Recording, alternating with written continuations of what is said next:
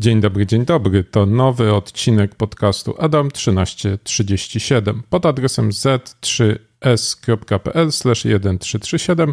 Historia wszystkich dotychczasowych odcinków, a także możliwość subskrybowania tego podcastu na Spotify, Apple Podcaście, Google Podcaście, RSS-ach i czym tylko sobie zażyczycie. Jak czegoś brakuje, to mówcie a dodam. Linki do wszystkich omawianych materiałów znajdziecie oczywiście w opisie podcastu, a dzisiaj będziemy omawiać sześć różnych newsów. I zaczynamy od pierwszego, mianowicie od UBK-ów dla Ukrainy.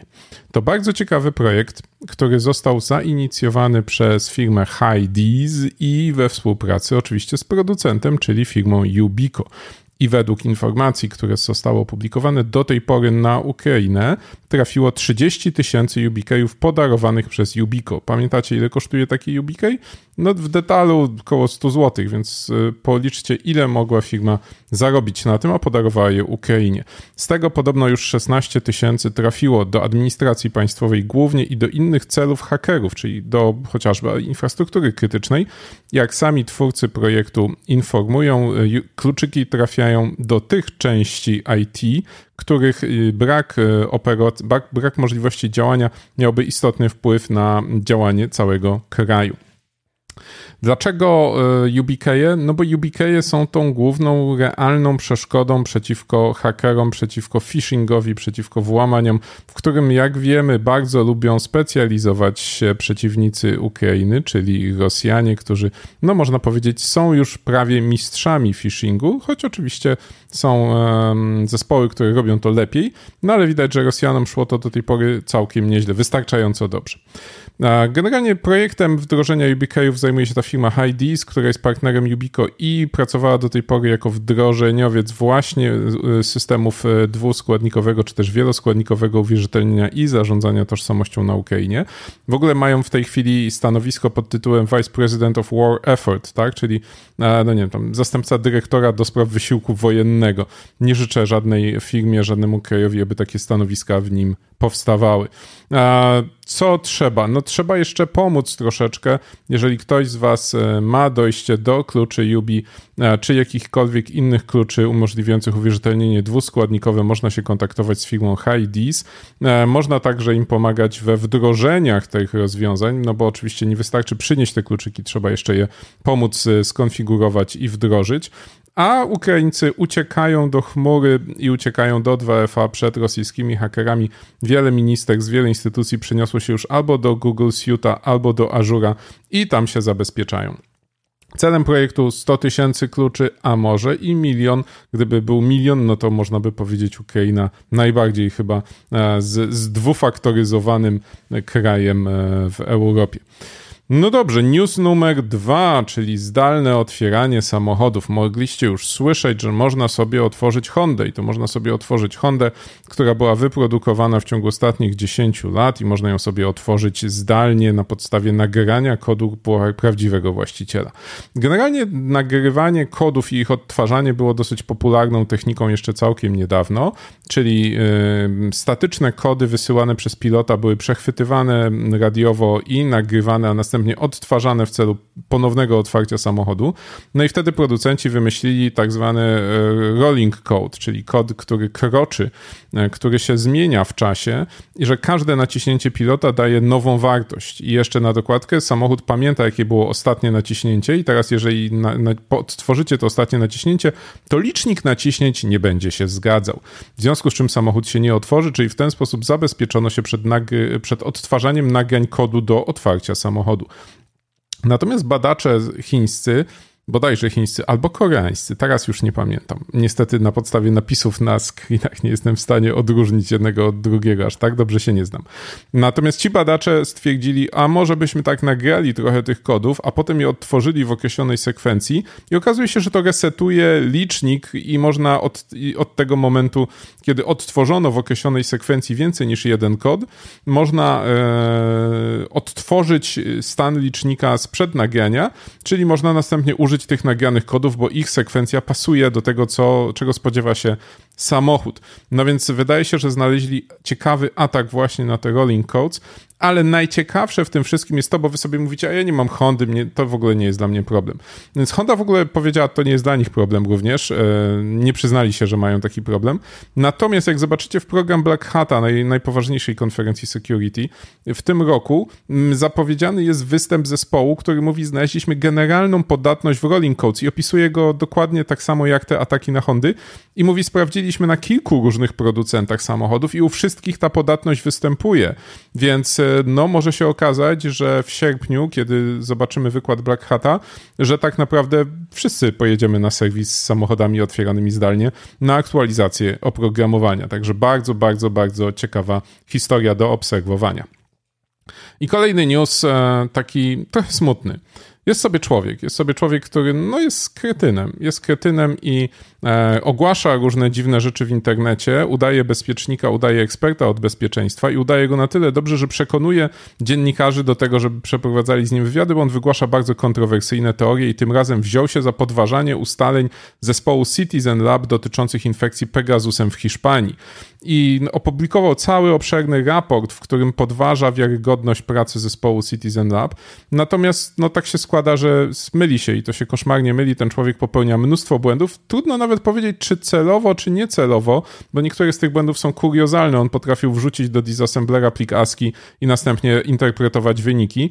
W tym wypadku twierdzi, mm, najpierw przyjmuje błędne założenia, że raport Citizen Labu dotyczy tylko infekcji WhatsAppem, a dotyczy infekcji różnymi wektorami, a potem przygląda się wskaźnikom e, ataku, czyli IOCs, i, i, udowadnia, że niektóre z domen, które były wskazane w raporcie, nie były aktywne w momencie, gdy te ataki na WhatsAppa następowały. Ale zapomniał, że raport jest nie tylko o atakach WhatsAppa, ale i innych i te domeny inne spoza obszaru czasowego dotyczącego WhatsAppa dotyczą właśnie tych innych technik ataku. Myli się, czy celowo manipuluje, nie wiemy. Natomiast ma bardzo dobry PR i niestety dziennikarze go cytują. Włożenie wysiłku w zde, mm, zdetronizowanie tego eksperta i wytłumaczenie, dlaczego on się myli, to jest no strasznie dużo pracy.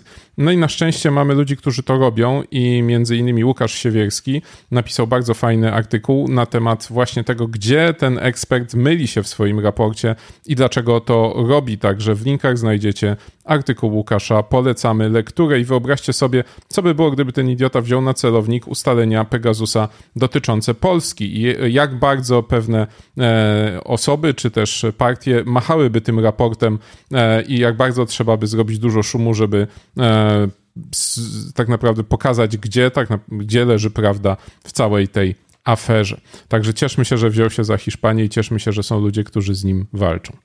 Niestety wymaga to sporo czasu. Kolejny news. Północna Korea pracuje, pracuje. E, gdzie się zatrudniają ludzie z Północnej Korei? No więc zatrudniają się jako inżynierzy w firmach kryptowalutowych. I teraz moglibyście pomyśleć, no zatrudniają się tam pewnie dlatego, żeby mm, następnie wykraść te kryptowaluty. I oczywiście jest to prawda i próbują. Natomiast okazuje się, że zanim dojdą do kradzieży, oczywiście zarabiają tam całkiem sensowne pieniądze. Na, jak już na Północną Koreę to niezwykle sensowne.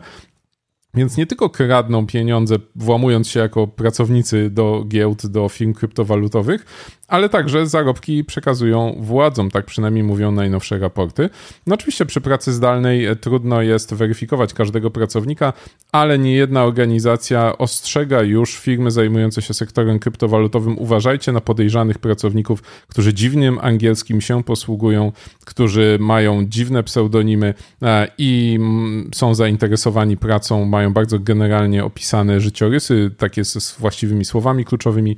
No i okazuje się, że, że przy takiej e, niedoborze ekspertów, e, szczególnie w dziedzinie tych nowych technologii e, w obszarze kryptowalutowym, no to niektóre firmy dały się naciągnąć i prawdopodobnie mogło to mieć przy, mogło to być przyczyną niektórych kradzieży krypto, o których od czasu do czasu piszę pod hasłem and it's gone. Więc no, północno-koreańczycy mają różne sposoby i widać, że potrafią nawet walczyć o etaty aby móc dobrać się od środka do, mm, do skarbców, które ich interesują. I następny news, tym razem o Microsoftie. I to nie będzie raport Microsoftu OK, nie jak w poprzednich odcinkach. To będzie o tym, jak Microsoft zapewnił sobie pozycję mm, na, na e, wszystkich newsów security przez ostatnie dwa tygodnie. Najpierw Microsoft y, ogłosił, że blokuje domyślnie Macraft Office. Wszyscy klaszczą, hurra, hurra, w końcu nie będzie można kliknąć guzika Enable Content i uruchomić wirusa.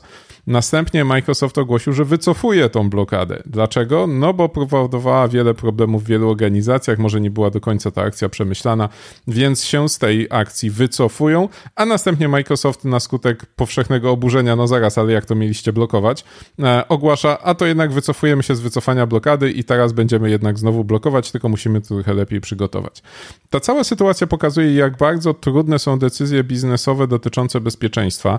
Prawdopodobnie jacyś ważni klienci zaczęli, sark, zaczęli e, bardzo brzydko mówić o Microsoftie, który dał im mało czasu, e, żeby mm, przygotować się do tego wycofania Mac. Wiele organizacji tych Mac potrzebuje, natomiast no, da się to zrobić jakoś sensownie. Wiele organizacji sobie już z tym poradziło.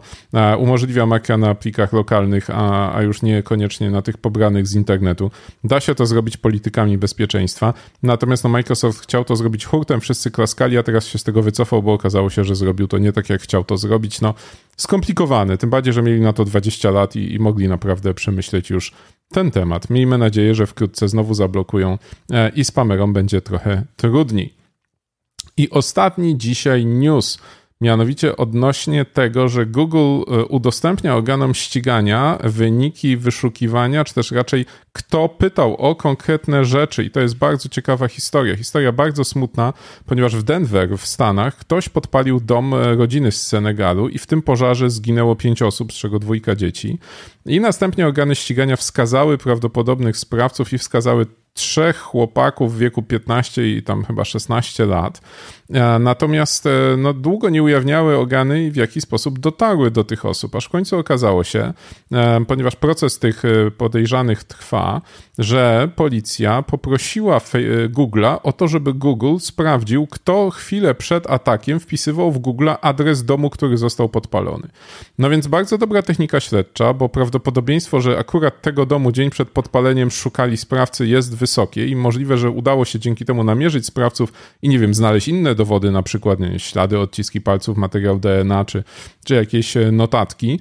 Natomiast e, no, technika śledcza, która robi się bardzo niepokojąca, no bo teraz jeżeli policja może zapytać, kto co sprawdzał w Google, no to wyobraźcie sobie wszystkie te możliwe scenariusze, e, takie już trochę sięgające filmów science fiction, że popełniamy zbrodnię zanim ją popełniliśmy, tak? Interesujemy się tylko tym, jak ją popełnić i już możemy znaleźć się na celowniku organów ścigania. Oczywiście przyniesienie sprawiedliwości, szczególnie mordercom, jest jak najbardziej zasadnym celem, natomiast pytanie, czy to jest technika, która nie powinna zostać w jakiś sposób istotnie ograniczona, chociażby do takich najpoważniejszych przestępstw. No, pytanie, jak to powinno wyglądać, jak zawsze. Chcemy ścigać przestępców, ale też musimy dbać o prywatność zwykłych użytkowników.